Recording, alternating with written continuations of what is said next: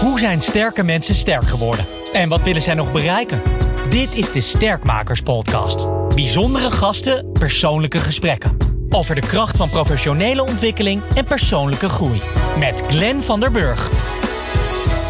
Technologie, media en financiën zijn de enablers van onze economie, de smeerolie.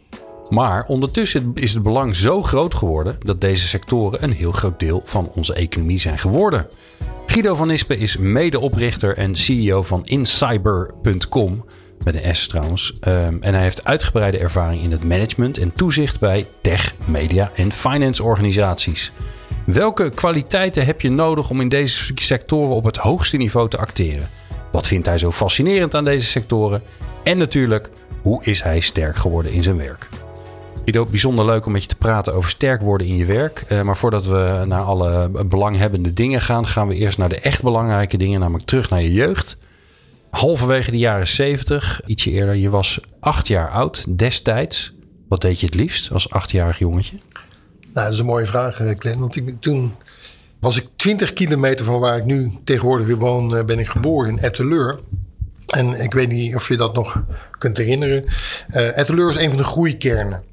Uh, en dat uh, betekende, net zoals Zoetermeer... Dat ja, Zoetermeer van het zuiden, hè? het Almere Precies. van het zuiden. Ja.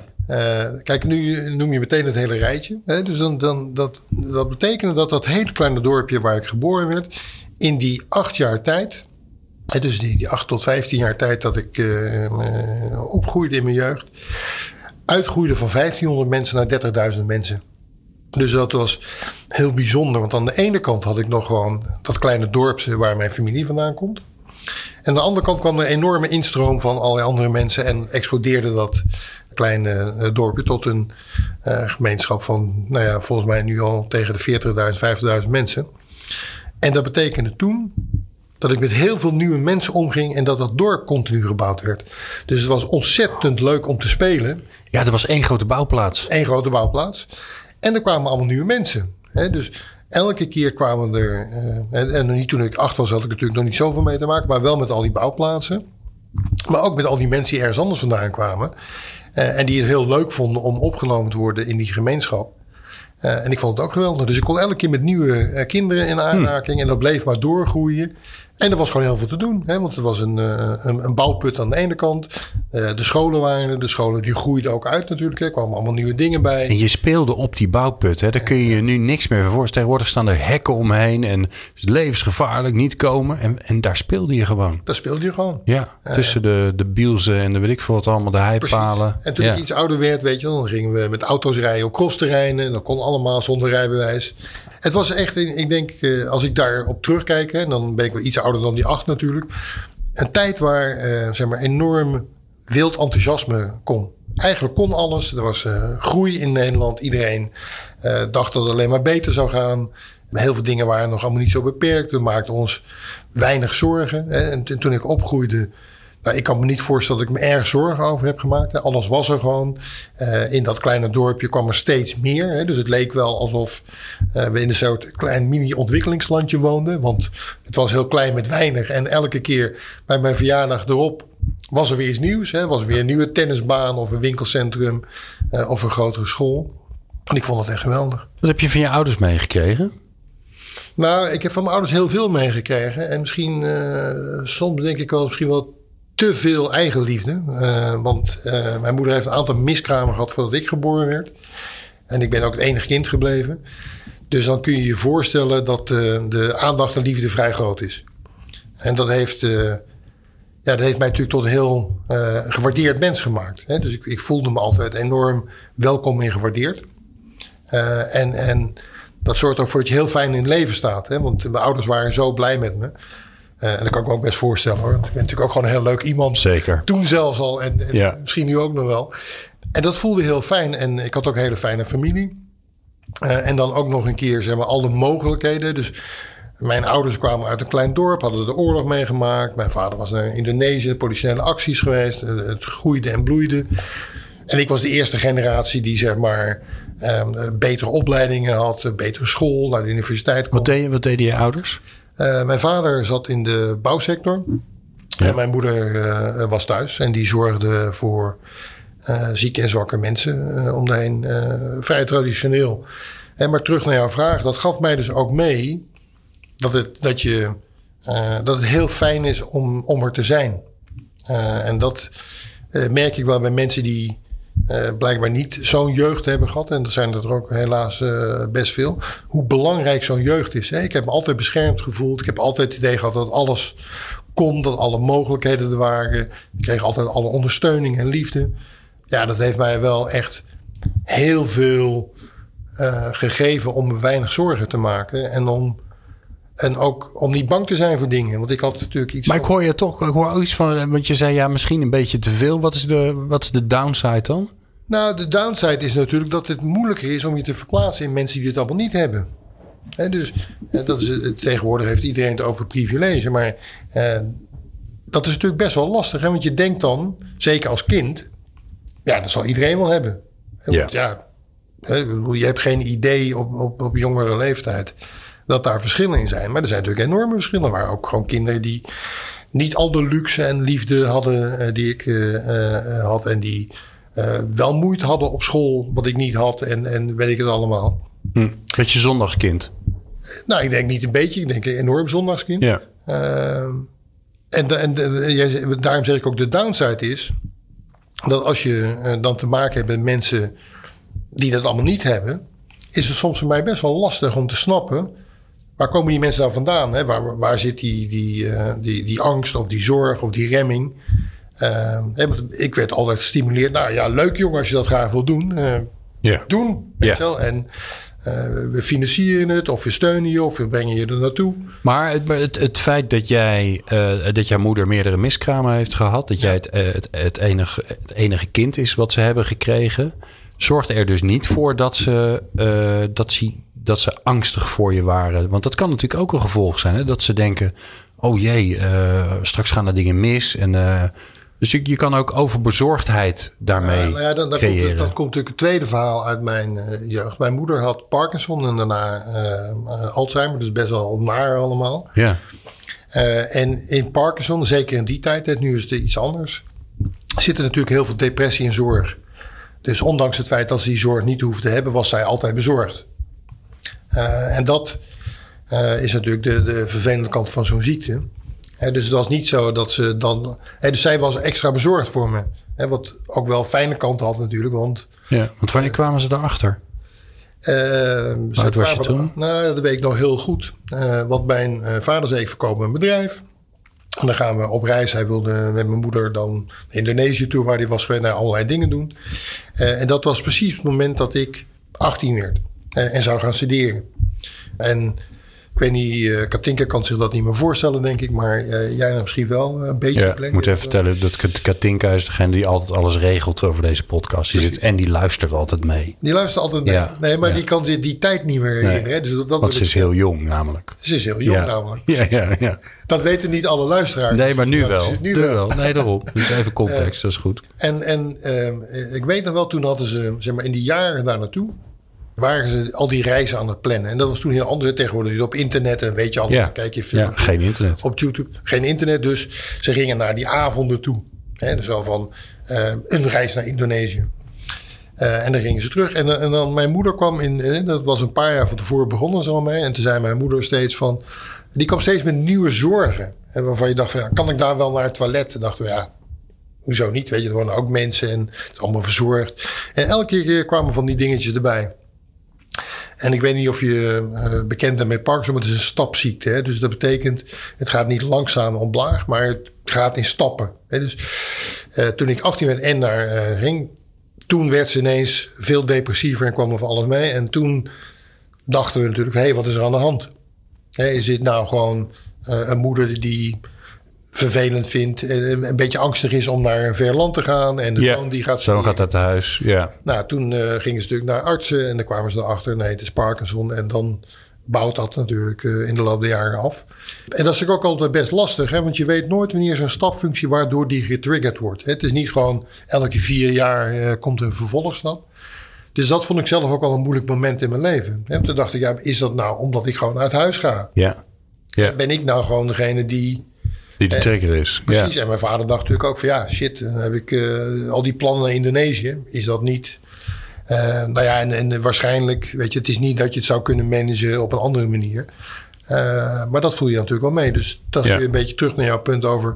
Wat is de andere kant ervan? Is al de liefde en warmte die je krijgt. Die keert ook een soort uh, wederkerigheid erin. Hè, die, ja. Die ja. zorgt ook voor dat je denkt: oh. Ja, je voelt ook verantwoordelijkheid. Precies. Ja. ja, dat is wel grappig, want dat is altijd. Het is wel mooi dat we daar nu aankomen. Want ja, 18 ehm, is misschien een beetje, dan ben je misschien, heb je het misschien al gehad. Tenminste, ik hoop dat wel. Mijn zoon is nu 18. Maar er komt natuurlijk een moment dat je ook los wil komen van, van dat veilige gezin. Dat je uit wil breken. Dat je uh, nou, heel erg veel last van je autonomie krijgt. Hè? En dat noemen we dan puberteit. Hoe was dat bij jou?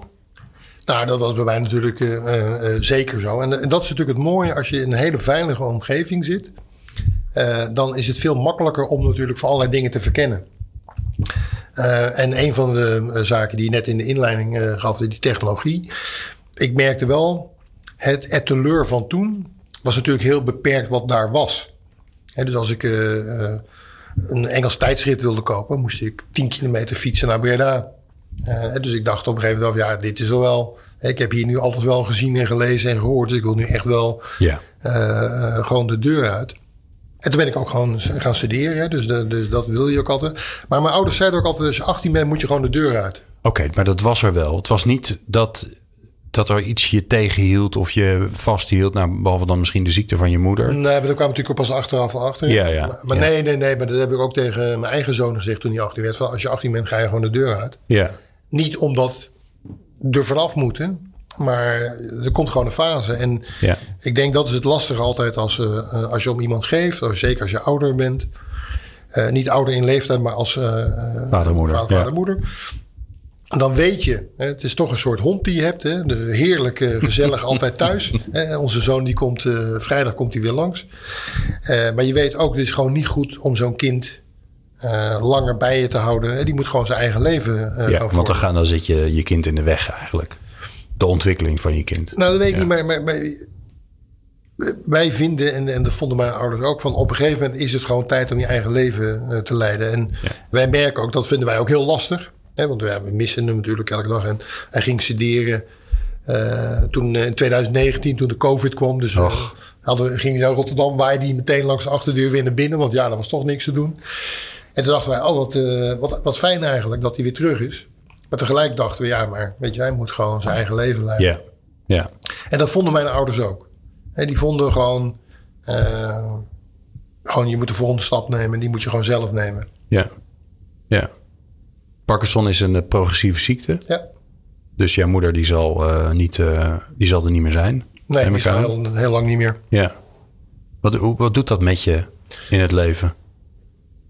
Nou ja, het doet een paar dingen. Kijk, één ding wat, ik, uh, uh, wat heel fundamenteel in mijn karakter is geslopen daardoor is... Mijn ouders hebben altijd gezegd, um, uh, ga niet voor geluk in de toekomst. Het is fijn als het komt. maar zorg ervoor dat elke dag die je leeft, dat je daar bewust leeft zoals je denkt dat dat het beste is.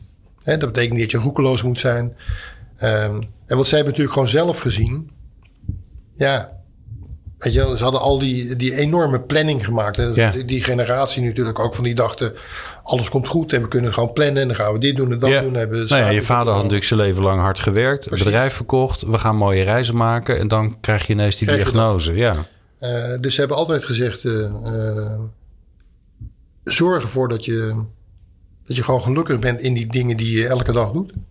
Uh, hè, en zorg er ook voor dat je een beetje je toekomst in de gaten houdt. Uh, want het is zo belangrijk. Hè, want er kan voor alles gebeuren waardoor dat geluk in de toekomst niet komt. Hè, of dat je daar zo op richt dat je helemaal van je eigen uh, koers afwijkt. Mm. nou ja, dat heb ik daarvan meegekregen. ik denk het andere wat ik ermee heb gekregen is hoe fijn het is om geliefd op te groeien. Uh, dat hebben we ook met uh, onze zoon proberen doen. En dat is best lastig, hè, want ik, wat ik je ook net vertelde, soms is het uh, de, de flipkant daarvan. Is natuurlijk dat je dan toch wel een beetje als zondagskind hebt. Jij gebruikt het woord ook. Hè, mijn hele leven lang zeggen mensen tegen me: ja, maar jij bent zo'n zondagskind. Hè, want ja, bij jou gaat alles makkelijk af, mm. en, et cetera. En dat is natuurlijk niet zo. Hè? Dus, dus door wat ik doe en wie ik ben en, en kom ik wel op plekken. Dat is niet omdat het toevallig allemaal geluk is. Ja, ja.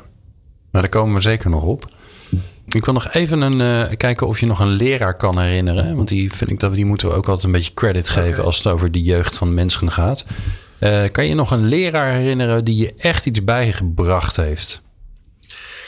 Nou, dat is wel grappig. Mijn uh, oma die woonde op het eind van haar leven op een hofje in Etteleur. Een begijnhofje, dat waar allemaal alleenstaande oude vrouwen woonden. En de lerares van mijn kleuterschool, uh, die uh, woonde er ook. En die zei altijd: Ik heb heel veel van je verwacht altijd. En vertelde ze ook altijd tegen mijn oma. Het klinkt, als klinkt ook een beetje. Ik heb altijd heel veel van je verwacht. Oftewel, het is er niet uitgekomen. Nee, jawel, jawel, En ze vond ook dat dat er allemaal uitgekomen was. Oh, gelukkig. Dat ze uh, heel trots op me was. En ik weet niet meer precies wat. Maar volgens mij, ik was natuurlijk allemaal heel katholiek in die tijd. En Volgens mij was ik de eerste die alle dingetjes uit mijn hoofd wist van bidden, et cetera. Hmm. En snelst kon rekenen voor en wat het was. Yeah.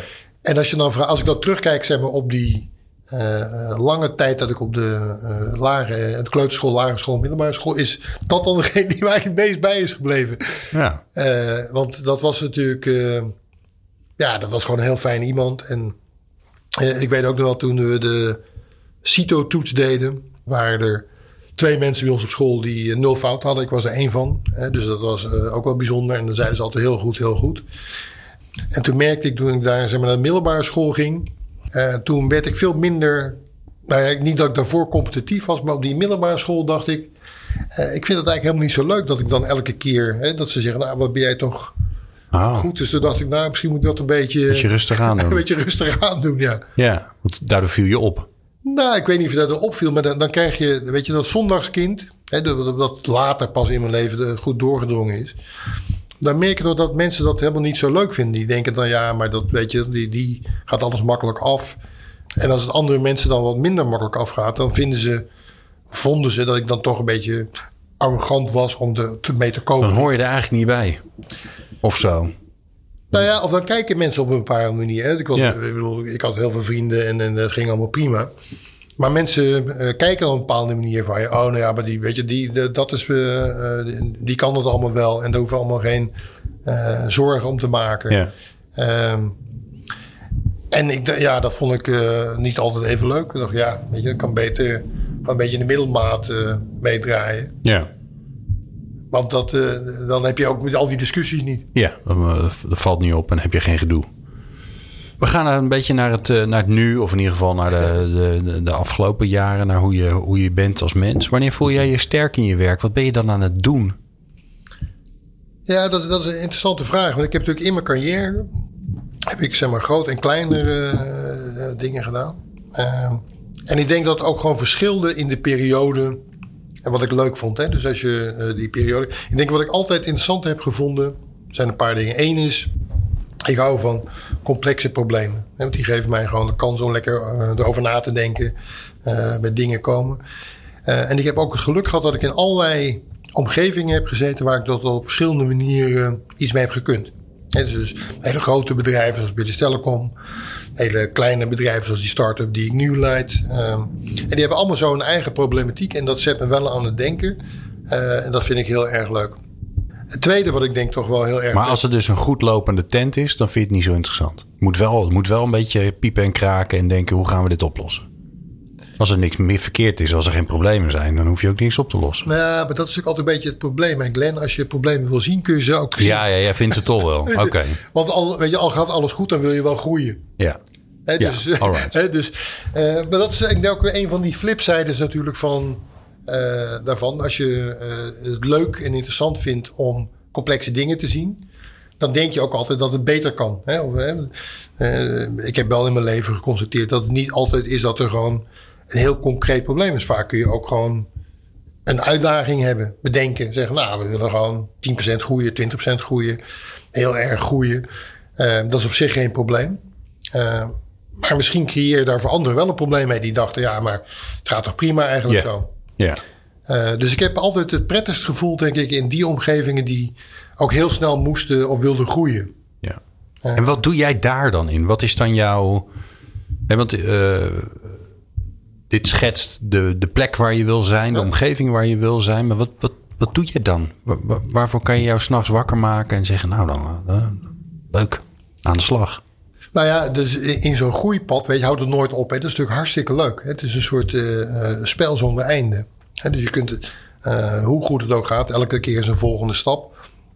Um, en dat, daar kun je hem ook altijd voor wakker maken. Nou, niet dat dat hoeft. Ik, ik ben iemand die niet heel veel slaapt en heel veel energie heeft.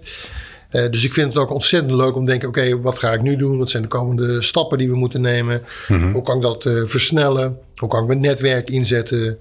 Uh, hoe kan ik nieuwe mensen erbij betrekken? Hoe kan ik het team versterken? en dat is het leuke als je, als je dat, als, net zoals ik, als je dat leuk vindt om die groei in te zetten, ja, dan is er natuurlijk altijd iets te bedenken. Ja. Of dat nou dus een PowerPoint deck is of, ja. of hier zitten of... Ja, maar ik hoor je zeggen uh, bedenken, uitrafelen, uh, dingen samenvoegen en dan... Hè, dat, is, dat is één deel van het werk, kan ik me voorstellen. Ja, en de andere kant is gewoon met, met, met mensen dat natuurlijk voor elkaar gaan krijgen. Ja. En dat is eigenlijk het allerbelangrijkste. De, de, de uitdenken is meestal. Nou ja, dat is, heeft ook wel zijn uitdagingen. Maar dat het, het, in werking zetten en zorgen dat het gebeurt. En dat je mensen meekrijgt en dat je investeerders vindt of, of dat je toezichthouders vindt. Of dat je, als, als ik een toezichthoudende functie zit, dat ik dan zorg dat die, die dingen die ik inbreng, dat daar iets mee kan worden gebeuren. Dat is natuurlijk de grootste uitdaging. Hè? Want uh, veel problemen of uitdagingen die zijn op zich vrij simpel te snappen. Maar dan moet het ook vormgegeven worden en uitgevoerd. Uh, en dat is natuurlijk het, vaak het moeilijkste, want dan moet je mensen in beweging krijgen. en, en hoe doe je dat dan? Nou, dat is natuurlijk ook heel spannend. Ja. Wanneer, wanneer is het niet gelukt? Wanneer het zondagskind? Want nu, nu lijkt het inderdaad alsof alles op van een leien dakje gaat. Maar ze ja. leven natuurlijk nooit in elkaar. Nou ja, dat is natuurlijk een beetje de vraag. Kijk, want uh, uh, ik denk dat bijna mijn hele leven ik wel heb kunnen leven op de manier die ik net vertelde. Namelijk dat ik gewoon de meeste van mijn tijd dacht: dit is echt gewoon een dag waar ik blij en gelukkig mee ben. Dus ja. vanuit persoonlijk perspectief uh, denk ik altijd. De enige die niet gelukt is, maar waar ik wel veel van geleerd heb, is mijn vorige start-up. De, de, die hebben we niet van de grond kunnen tillen op een manier waarvan ik dacht dat het probleem zo groot was en oplosbaar was en interessant. Uh, dat lukte niet. En toen hebben we ook gezegd, nou, dit, weet je, dit, dit is dus? een enorme markt, et cetera. Maar moet je dan naar investeerders en zeggen, joh, ja, sorry jongens, het is niet gelukt? Nee, die had ik zelf gefinancierd. Dus Oké, okay, dus je moest naar jezelf. Ik moest naar mezelf zeggen, nou, dat, dat is weg. Uh, maar dat vond ik ook, ja, weet je, aan de ene kant is het jammer. Maar je weet ook, ik heb twee investeringsfondsen geleid. Je weet ook dat dingen uh, misgaan. Ja. Uh, dus ik wist het ook van tevoren. Niet dat je daarmee begint. Hè. Maar dat vond ik wel jammer, want ik dacht, nou, dit is echt een groot probleem. Het ging over uh, medewerkerstevredenheid. Ik dacht, nou, we hebben een mooie tool voor ontwikkeld. Van allerlei dingen. En dan lukt het toch niet om die tractie te krijgen. En dan merk je gewoon op een gegeven moment is een beetje de energie eruit. Uh, en dan denk je, nou, weet je, hier kunnen we beter ja. uh, mee stoppen. Ja. Was ook in de tijd van de COVID, hè, dus dat helpt ook allemaal niet. Uh, en dan ben ik ook wel gewoon in staat om te zeggen: Nou, we, we hebben het geprobeerd. De kans dat we dit op een redelijke manier nog een keer gaan proberen, die is er eigenlijk niet. Moeten we gewoon niet doen. Ja. Het grappige is wel dat je. Uh, je, je kan ditzelfde verhaal, hè, als iemand anders dit mee had gemaakt, die zou er misschien een heel ander verhaal over vertellen. En jij zegt, ja, het hoort er een beetje bij. Het is, ja, you win some, you lose some. En ik heb er een hoop van geleerd. Dus het is natuurlijk ook de perceptie die je hebt over de dingen die, die je overkomen... of die, de dingen die gebeuren... die bepalen natuurlijk uiteindelijk ook hoe je... Ja, of jij inderdaad achteraf zegt... ja, het is niet, ik wilde dat voor elkaar krijgen. Het is niet gelukt. Ik heb wel elke dag een leuke dag gehad. Ik heb geleerd. Ik heb met leuke mensen gewerkt. Ja, het kost me inderdaad een bak geld. Maar ja, uh, so be it. Iemand anders zou misschien zeggen...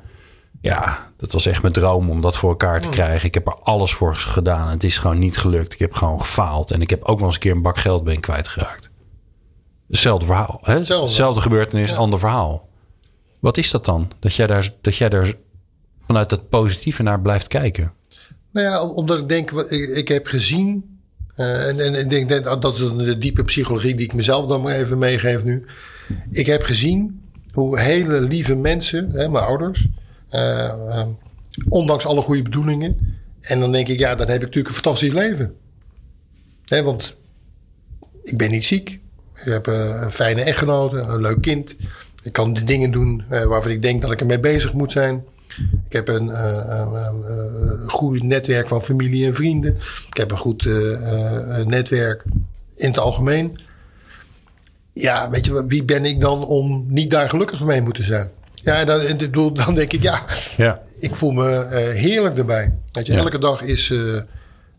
Ik, ik, was van het weekend aan het zweefvliegen met een oude studentenclub. Daar waren de reunisten van. Ja, dan spreek je gewoon een kerel die net zo oud is als ik. En die vertelt dan dat hij net heeft gehoord dat hij ongeneeslijk ziek is. Ja. En dan denk ik, wauw. Weet je, hè, want dat komt dan toch hè, terug alsof het, of, je, of je weer twintig bent. Hè, want zo voelt het dan weer als je dezelfde mensen ziet. Uh, en dan denk ik, ja, wauw, wat een geweldig leven heb ik. Ik kan met mensen dingen doen. Uh, ik krijg elke dag uh, gratis nieuwe uitdagingen voorgeschoteld. En die vind ik ook leuk om te doen. Hè? Het is net zoals mensen zeggen, ja, wat, wat heb je nou die kruiswoordpuzzel, wat is daar nou leuk aan? Hè, want als je ze ingevuld hebt, ja... Dan, dan is hij klaar. Ja. Dan is hij klaar, wat heb je dan gedaan? Maar het is natuurlijk ontzettend, vind ik heel boeiend... dat je elke dag die dingen gewoon naar je toe krijgt. Dat je daar iets mee kunt doen. Ja. Uh, maar kon je ook zeggen, het plezier zit in het doen... en niet per se in het resultaat? Nou ja, maar dat is natuurlijk niet helemaal waar. Hè? Want als, je, als het resultaat altijd negatief is... dan is het doen natuurlijk ook niet leuk. Nee, maar dan kan je... Ja, oké. Ja dus, maar ik denk wel dat ik het resultaat zelf altijd mooier maak voor mezelf dan het misschien. En jij zegt, uh, iemand anders zou dat heel anders kunnen interpreteren of kunnen neerzetten. Uh, ik kijk er ook wel positief naar. Ja, je hebt een, best, je hebt een, ro een roze bril van jezelf. Ja. Ja, nou dat is fijn. Ja, zeker. Ja, dat maakt het leven een stuk makkelijker. Um, we gaan even naar um, een leuk kaartspel dat ik heb. Huh. Ja, we gaan, we, niet, we gaan niet het hele spel spelen hoor, want dan zijn we nog drie uur bezig. Um, voor onze fijne luisteraars. Het is het kaartspel Coachkaarten van uh, Thema Uitgeverij. En er zitten allerlei soorten vragen in. Talentvragen, uh, wat meer vragen, positieve vragen. Ik ben benieuwd of er ook negatieve vragen in zitten trouwens. Dat hoop ik niet. Nou, dat zijn ze wel eens een beetje die, ik tegenkom. Uh, ik ga er random een uithalen. Oh, ze hebben ook nog verschillende kleurtjes. Oké. Okay. Wat geheel daar gelaten. Ik doe deze. Oeh, een reflectievraag. Oh. Nou, daar komt hij hoor. Oh, dat is een interessante. Wat is het beste advies dat je ooit gekregen hebt? Nou ja, ik denk dat ik al een paar keer heb gezegd. Uh, geniet van elke dag. Uh, veel beter wordt het niet. Ja. Nou, fantastisch. Dan zijn we lekker snel klaar mee. Kunnen we gewoon door naar het volgende. Dat is wel een hele mooie. Ja, dat is wel uh, echt een nou, mooie levensles. Ik wil er nog één ding over zeggen. Ik ja. want, uh, uh, we hebben vorig jaar besloten om weg te gaan uit Amsterdam. en dus een huis te kopen. Zo, dat kan dus. Voor nou, alle Amsterdammers. Je kunt ook weg uit Amsterdam. Ja. En onze tijd te verdelen tussen het huis wat we hebben in Frankrijk en in Roosendaal. Ehm, en toen zeiden heel veel mensen dat je dat nog durft op jouw leeftijd. En dan denk ik, wat, wat, wat is er dan nu ineens in mijn leeftijd dat ik niks meer zou kunnen of zo? Moet ik nu in de garage de rollator klaar gaan zetten? Um, en ik heb gewoon gemerkt, het is fantastisch. Weet je, we, we ontmoeten gewoon weer uh, hele nieuwe mensen, hele nieuwe omgeving. En het geeft gewoon zo'n impuls aan wat je doet. Ja. En het kan dus. Het kan, je kunt je het gewoon kan. Je hebt je paspoort niet nodig. Nou ja, als je naar Frankrijk gaat, maar niet als je naar Etteleur gaat vanuit Amsterdam. Het is echt geweldig. Ja. Ja, wauw. Dat vind ik misschien nog wel een hele, hele fijn om te weten. Hoe ben je er nou, hoe ben je er nou door, het, door alles wat je hebt gedaan... Hoe ben je er nou achter gekomen waar, waar jij goed in bent? Waar ze jou voor moeten hebben? Of waar jij wel ja en waar je wel niet, waar je nee tegen moet zeggen? Nou, dat laatste ben ik niet goed in. Oké. Dus nee zeggen, dat, uh, dat lukt me uh, eigenlijk nooit. Ik ben, ik ben namelijk heel nieuwsgierig. En dus als iemand mij vraagt, uh, wil je dit of dat, of we hier bij betrokken zijn. Dan denk ik altijd, oh, dan denk ik weer, hé, hey, er wordt me weer zo'n probleem voorgeschoven. Heerlijk. Weet ja. Oh, puzzel. Kruiswoordpuzzel. Kruiswoordpuzzel, ja. die wil ik eigenlijk wel doen. Um, en ik denk, dus dat, dat vind ik altijd wel lastig. Ik begin daar wel ietsje beter in te worden. Maar ja, het mag onderhand ook wel natuurlijk, als ik het nu nog niet kan. Uh, maar dat vind ik wel heel lastig. Want ik ben al heel snel dat ik denk, oh, interessant. En ik denk waar ik goed in ben en waar het goed gaat, is dat ik uh, uh, met heel veel mensen omga. En eigenlijk dan een beetje gevoel krijg van... hé, hey, dit vind ik interessant. Hè? Bijvoorbeeld een van mijn uh, mensen waar ik ontzettend tegen opkijk... waar ik al jarenlang nu uh, mee werk, Vintsurf. Hè? Een van de uitvinders van het internet. En die heeft ook een aantal foundations in Amerika. en daar, die ben ik tegengekomen. En dan praat je ermee en dan zegt hij, hier ben ik mee bezig... en wil je daar een rol in hebben. Nou ja, dat, dat vind ik dan wel... En dan merk ik gewoon, wauw, dat is wel geweldig. Hè? Dus dus, dus, het, dus het soort, de mensen, dus het is het vraagstuk, hoor ik je zeggen. Ja. Moet een leuke puzzel zijn. Moet ook mensen zijn die, die weer iets nieuws bieden aan je. Waar, waar, Je, ja, waar je van kan leren of waar je het leuk vindt om mee om te gaan. Ja, en, en waar ik ook gewoon uh, uh, diep respect voor heb. Hè? Want de, ik denk dat is natuurlijk, als je naarmate je ouder wordt, dan weet je een beetje wat, wat je wel en wat je niet aanspreekt. En bijvoorbeeld een van de dingen die maar altijd geïntegreerd hebben is technologie. Vanaf kinds af aan, als er iets kwam. Ik weet mijn eerste uh, plaat, hè, toen ik 12 was, was de Autobaan van Kraftwerk. Ik weet niet, nog, kun je nog herinneren? Misschien? Zeker, ja. ja. Uh, en waarom vond ik dat nou zo'n geweldige plaat? Een leuk liedje, maar ook gewoon omdat het met die synthesizers was. Dat vond ik zoiets. dacht ik, wauw, dat is toch wel heel bijzonder als 12 jaar.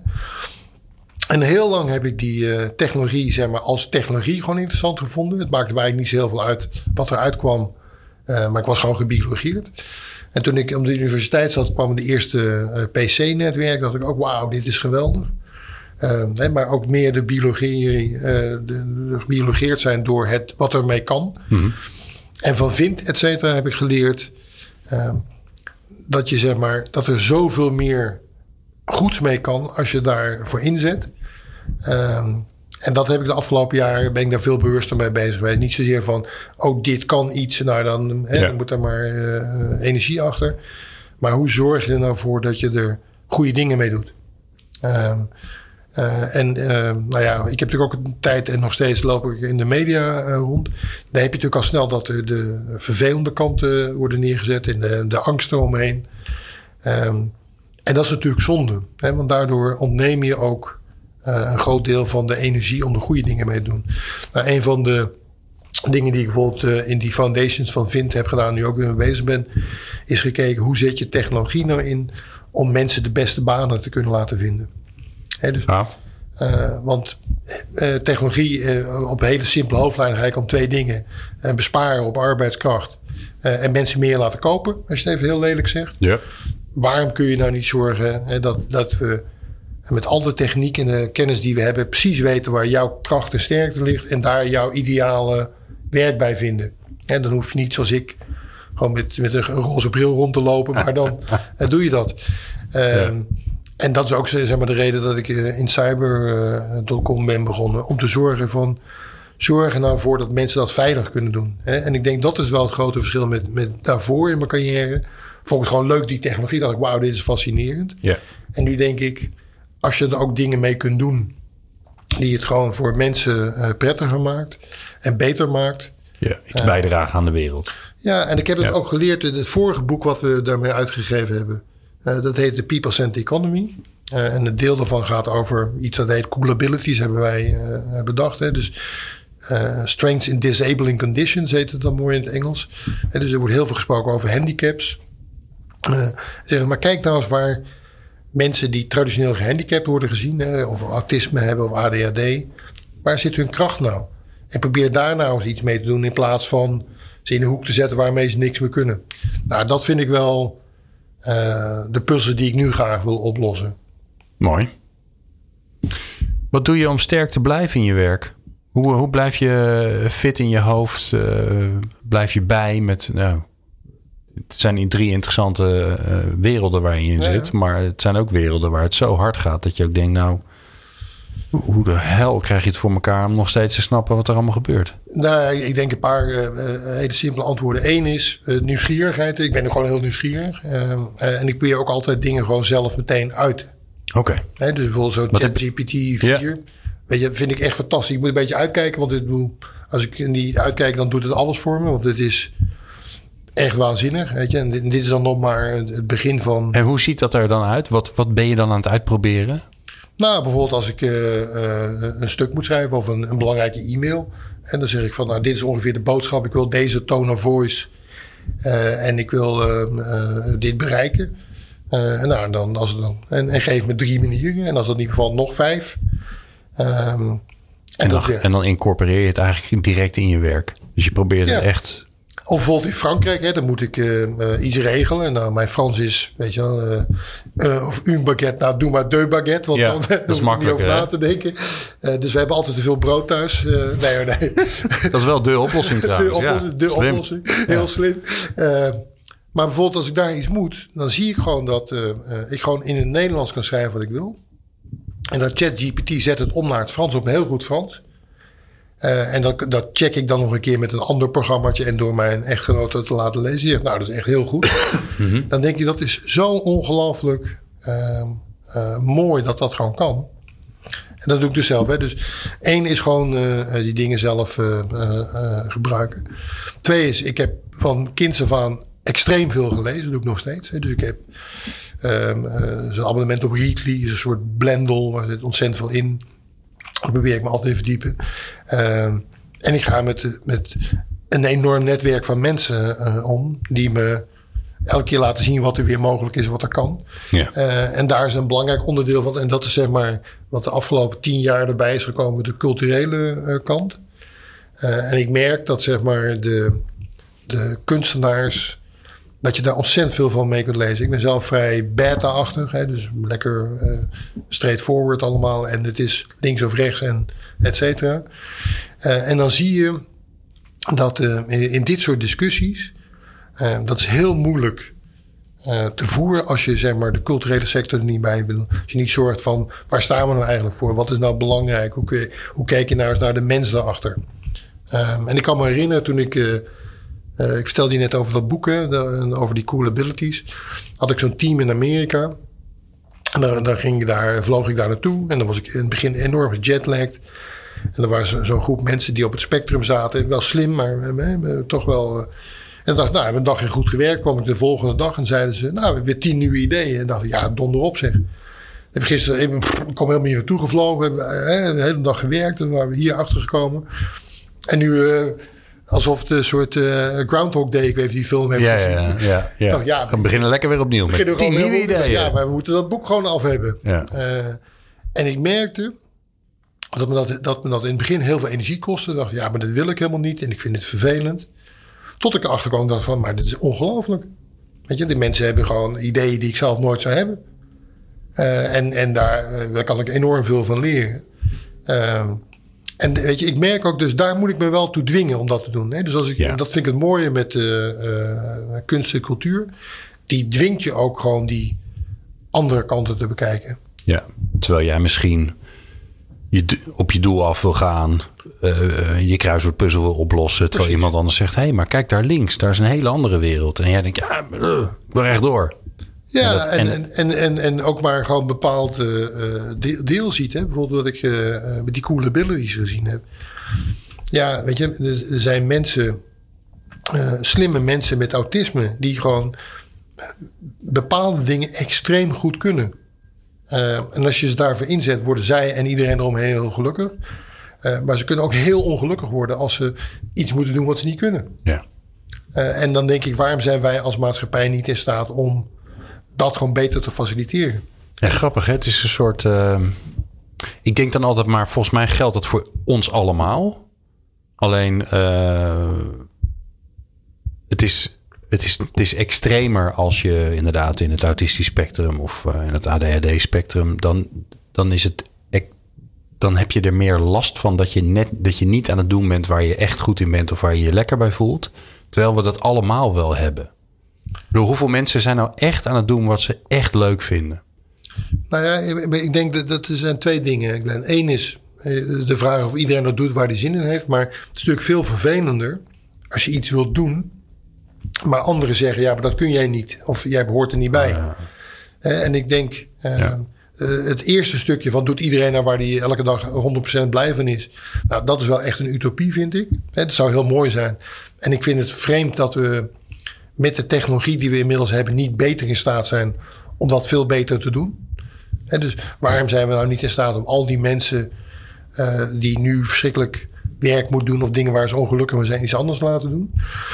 Um, Maar ik vind nog veel belangrijker is... waarom zijn er zoveel mensen die buiten de normale maatschappij staan... tussen aanhalingstekens... omdat we niet in staat zijn om ze anders als gehandicapten te zien. Hmm. Ja, en dan denk ik, waarom zijn we daar niet mee bezig? Ja. Ja, eens. Helemaal eens. Moeten we hier een hele aparte aflevering over maken? Is dat niet een goed idee? Ergens. Dat lijkt me In, leuk. in een van mijn vele podcasts. In een van Ja, jouw zeer nou, vele podcasts. Daarom, dat eh, gaat helemaal goed komen. We gaan eh, vooruit in de tijd. We gaan naar je tachtigste verjaardag. Daar ben je nog niet. Dat duurt nog een tijd. Eh, maar we zijn er wel al. Eh, je bent nog hartstikke fit. Ziet er goed uit. Leuk. Wat zei je, Glenn? Ja, nee, op je, op je tachtigste. Ik ben, nu- ben je, Oh, ik dacht nu al. Nee, nou, nu ook. Maar op je tachtigste zie je er nog steeds goed uit. Je bent hartstikke fit nog en gezond. En je familie, je vrienden, je bekenden, die zijn op je feestje. En natuurlijk wordt er gespeecht over wat je betekend hebt voor, voor hen. Maar ook in je werk. Wat zeggen ze over je? Nou, ik, ik hoop dat ze zeggen dat ik ehm, hen heb geïnspireerd om, om zelf dingen te doen. Dat zou ik eigenlijk het fijnste vinden. Eh, en soms op een, eh, een manier die ze destijds misschien niet zo prettig vonden, omdat ze dachten van hé, hey, maar ik wil meer hulp of ondersteuning of meer begrip. Eh, maar dat ze uiteindelijk dachten, nou, toch wel fijn dat hij de, gewoon mijn eigen verantwoordelijkheid heeft laten nemen. En ook de ruimte heeft gegeven om eventueel fouten te maken of wat meer tijd ervoor te nemen. Dat zou ik denk ik wel heel prettig vinden. Nou ja, en ik hoop dat er dan veel mensen zijn. Want dat zou ik dan wel weer fijn Ja? vinden. Ja? ja, ja, natuurlijk. Eh, want eh, eh, daar hebben we het nog niet over. gehad. Ik ben heel slecht in reflectie. Ik heb ooit een MBA gedaan. moest allemaal die psychologische test doen. En zeiden, nou, je bent, eh, je bent, bent ja, een heleboel dingen ben je best wel goed in, maar reflectie ben je heel slecht in. Zeiden ze, je, kunt, eh, eh, je moet iets bedenken. En dit is natuurlijk weer een tijdje geleden, in 96 deed ik dat. Zeiden ze, je moet of gaan fotograferen of een dagboek bijhouden. Nou, een dagboek bijhouden, dat, is weinig technologisch. Hè, dus Ja. dat sprak me niet aan. Dan ja, Nee. pen en papier nou, en dan saai. En ik kan mijn eigen handschrift niet eens lezen. Dus dan ben ik gefotografeerd. Dan kun je allemaal camera's kopen, et cetera. Ja, leuk. Je hartstikke gear- leuk. Gear kopen, Gear ja. kopen. En, en er komen allemaal dingen. En eh, donkere kamers en computers. En dat doe ik nog steeds. Ehm, en ik merk zeg maar, dat die ehm, eh, reflectie, dat kan ik het beste als andere mensen erbij zijn. Dus daarom Oh. eh, vind ik heel moeilijk voor mezelf. Dus ik kan niet, eh, je hebt mensen die kunnen gewoon gaan zitten en dan een heel boek over hun leven. Nee, want het beeld bij reflectie is natuurlijk vaak iemand die in zijn eentje in het bos loopt en naar de vogeltjes kijkt en dan denkt, ja, hoe zit dat eigenlijk? Hoe heb ik dat eigenlijk gedaan? Nee. Maar jij doet het met anderen. Precies, dan zeggen die andere mensen van, nou, ik vond toen, toen, weet je wel, toen zei hij tegen mij. En toen dacht ik, eh, ja, help me nou gewoon. Toen zei hij van, nee, dat kun je prima zelf. En toen dacht ik eigenlijk, wat een vervelende kwal ben jij dat je me dit liet doen. En maar achteraf dacht ik eigenlijk wel goed. Ehm, en ik merk dan, zeg maar, als ik, eh, eh, net zoals afgelopen weekend, hè, dat ik met die zweefvliegvrienden eh, op pad was. Dat helpt mij veel meer met reflectie. Ehm, en dan als je zou zeggen, nou, vertel nou eens, hoe was dat toen? Hè? En dat ik ze niet zou zien, dan Ja. zou ik denken, ja, hoe was het eigenlijk ook weer? Geen idee. Zo lang geleden. Ik ben meer iemand van vandaag en morgen. Eh, dus eh, eh, die hulp bij reflectie altijd goed. En mijn eh, echtgenote helpt er ook altijd heel goed bij. En die zegt altijd, ja, maar je had wel gezegd dat je dit zou doen. Nou ja, Ja, ja. Ja, dat soort reflectie. Ja, precies. ja. Nee, maar dus die, die, op die 80 jaar zou ik dat twee dingen heel fijn vinden. Eén, hè, dat mensen zouden zeggen, nou, je, hebt me gestimuleerd om zelf dingen te doen. En ik hoop dat ik ook, en ik heb ook investeringsfonds, allemaal dingen gedaan, dus dat zou toch wel moeten gezegd kunnen worden. En twee, dat ik die mensen weer zie en denk, oh ja, de trein van mijn leven komt voorbij en Ja. die mensen die willen nog een keer langskomen. Ja, mooi. Ik heb nog een laatste vraag aan je. Welke vraag zouden onze luisteraars zich nou eh, vaker moeten stellen als ze sterker in hun werk willen worden? Dat is een goede vraag om over na te denken. Als je dan wel in je eentje in het bos loopt. Ja, als je het eentje in het bos loopt, denk je, wat zouden ze... Ik denk, ehm, ehm, toch een beetje eh, eh, wat ik net ook zei van... Wat heb je nou andere mensen laten doen? Eh, waardoor die andere mensen beter werden. Ehm, en wat hoe je zelf beter wordt, in mijn ervaring is... Als je andere mensen beter laat worden, eh, zie je de resultaten. Hè? Van je eigen werk is dat veel- moeilijker. Eh, en ik vind het ook, en dat, dat, dat heeft mijn echtgenote ook altijd verteld, het is veel makkelijker om te nemen dan te geven. Hè, dus als je iets krijgt, nou ja, dan is het makkelijk, hè, want je hoeft er niks voor te doen, je krijgt gewoon. Eh, of sorry, om te geven. Eh, maar, nemen, dat is heel moeilijk. En daar heb ik zelf ook wel moeite mee. Dus als mensen iets voor mij willen doen, dan vind ik altijd wel van, nou, ik kan het zelf Ja, wel. ja. Ehm, en ik denk dat als je dat een beetje, uh, nou niet een beetje, als je kunt zorgen dat andere mensen dingen gaan doen. Als je dat kunt geven en daarvoor terug krijg je dan dat ze één nog steeds met je om willen gaan. En twee, dan zeggen van nou, ik ben er zelf een ander mens door geworden. Ik heb er andere dingen door gedaan. Uh, dat zou ik, vind ik in ieder geval voor mezelf belangrijk. En om mee te geven. En maar ik zeg altijd heel persoonlijk, andere mensen zullen daar weer hun eigen ding mee doen. Ik denk dat het een goede vraag is.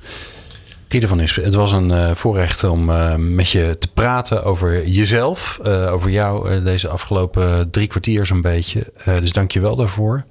Wil jij nou meer informatie hebben, bijvoorbeeld over het kaartspel wat we uh, even langs lieten komen, dan kan je naar de show notes en op onze socials en daar vind je dan alle informatie. Dankjewel voor het luisteren. Bedankt voor het luisteren naar de Sterkmakers podcast. Hopelijk heb je er nieuwe energie van gekregen. Maar echt sterker word je door er iets mee te doen. Dus waar wacht je op? Aan de slag! Meer podcasts vind je op jouw favoriete podcast-app door te zoeken op de Sterkmakers Podcast. Bezoek ook onze website sn.nl/podcast voor alle informatie over de Sterkmakers Podcast.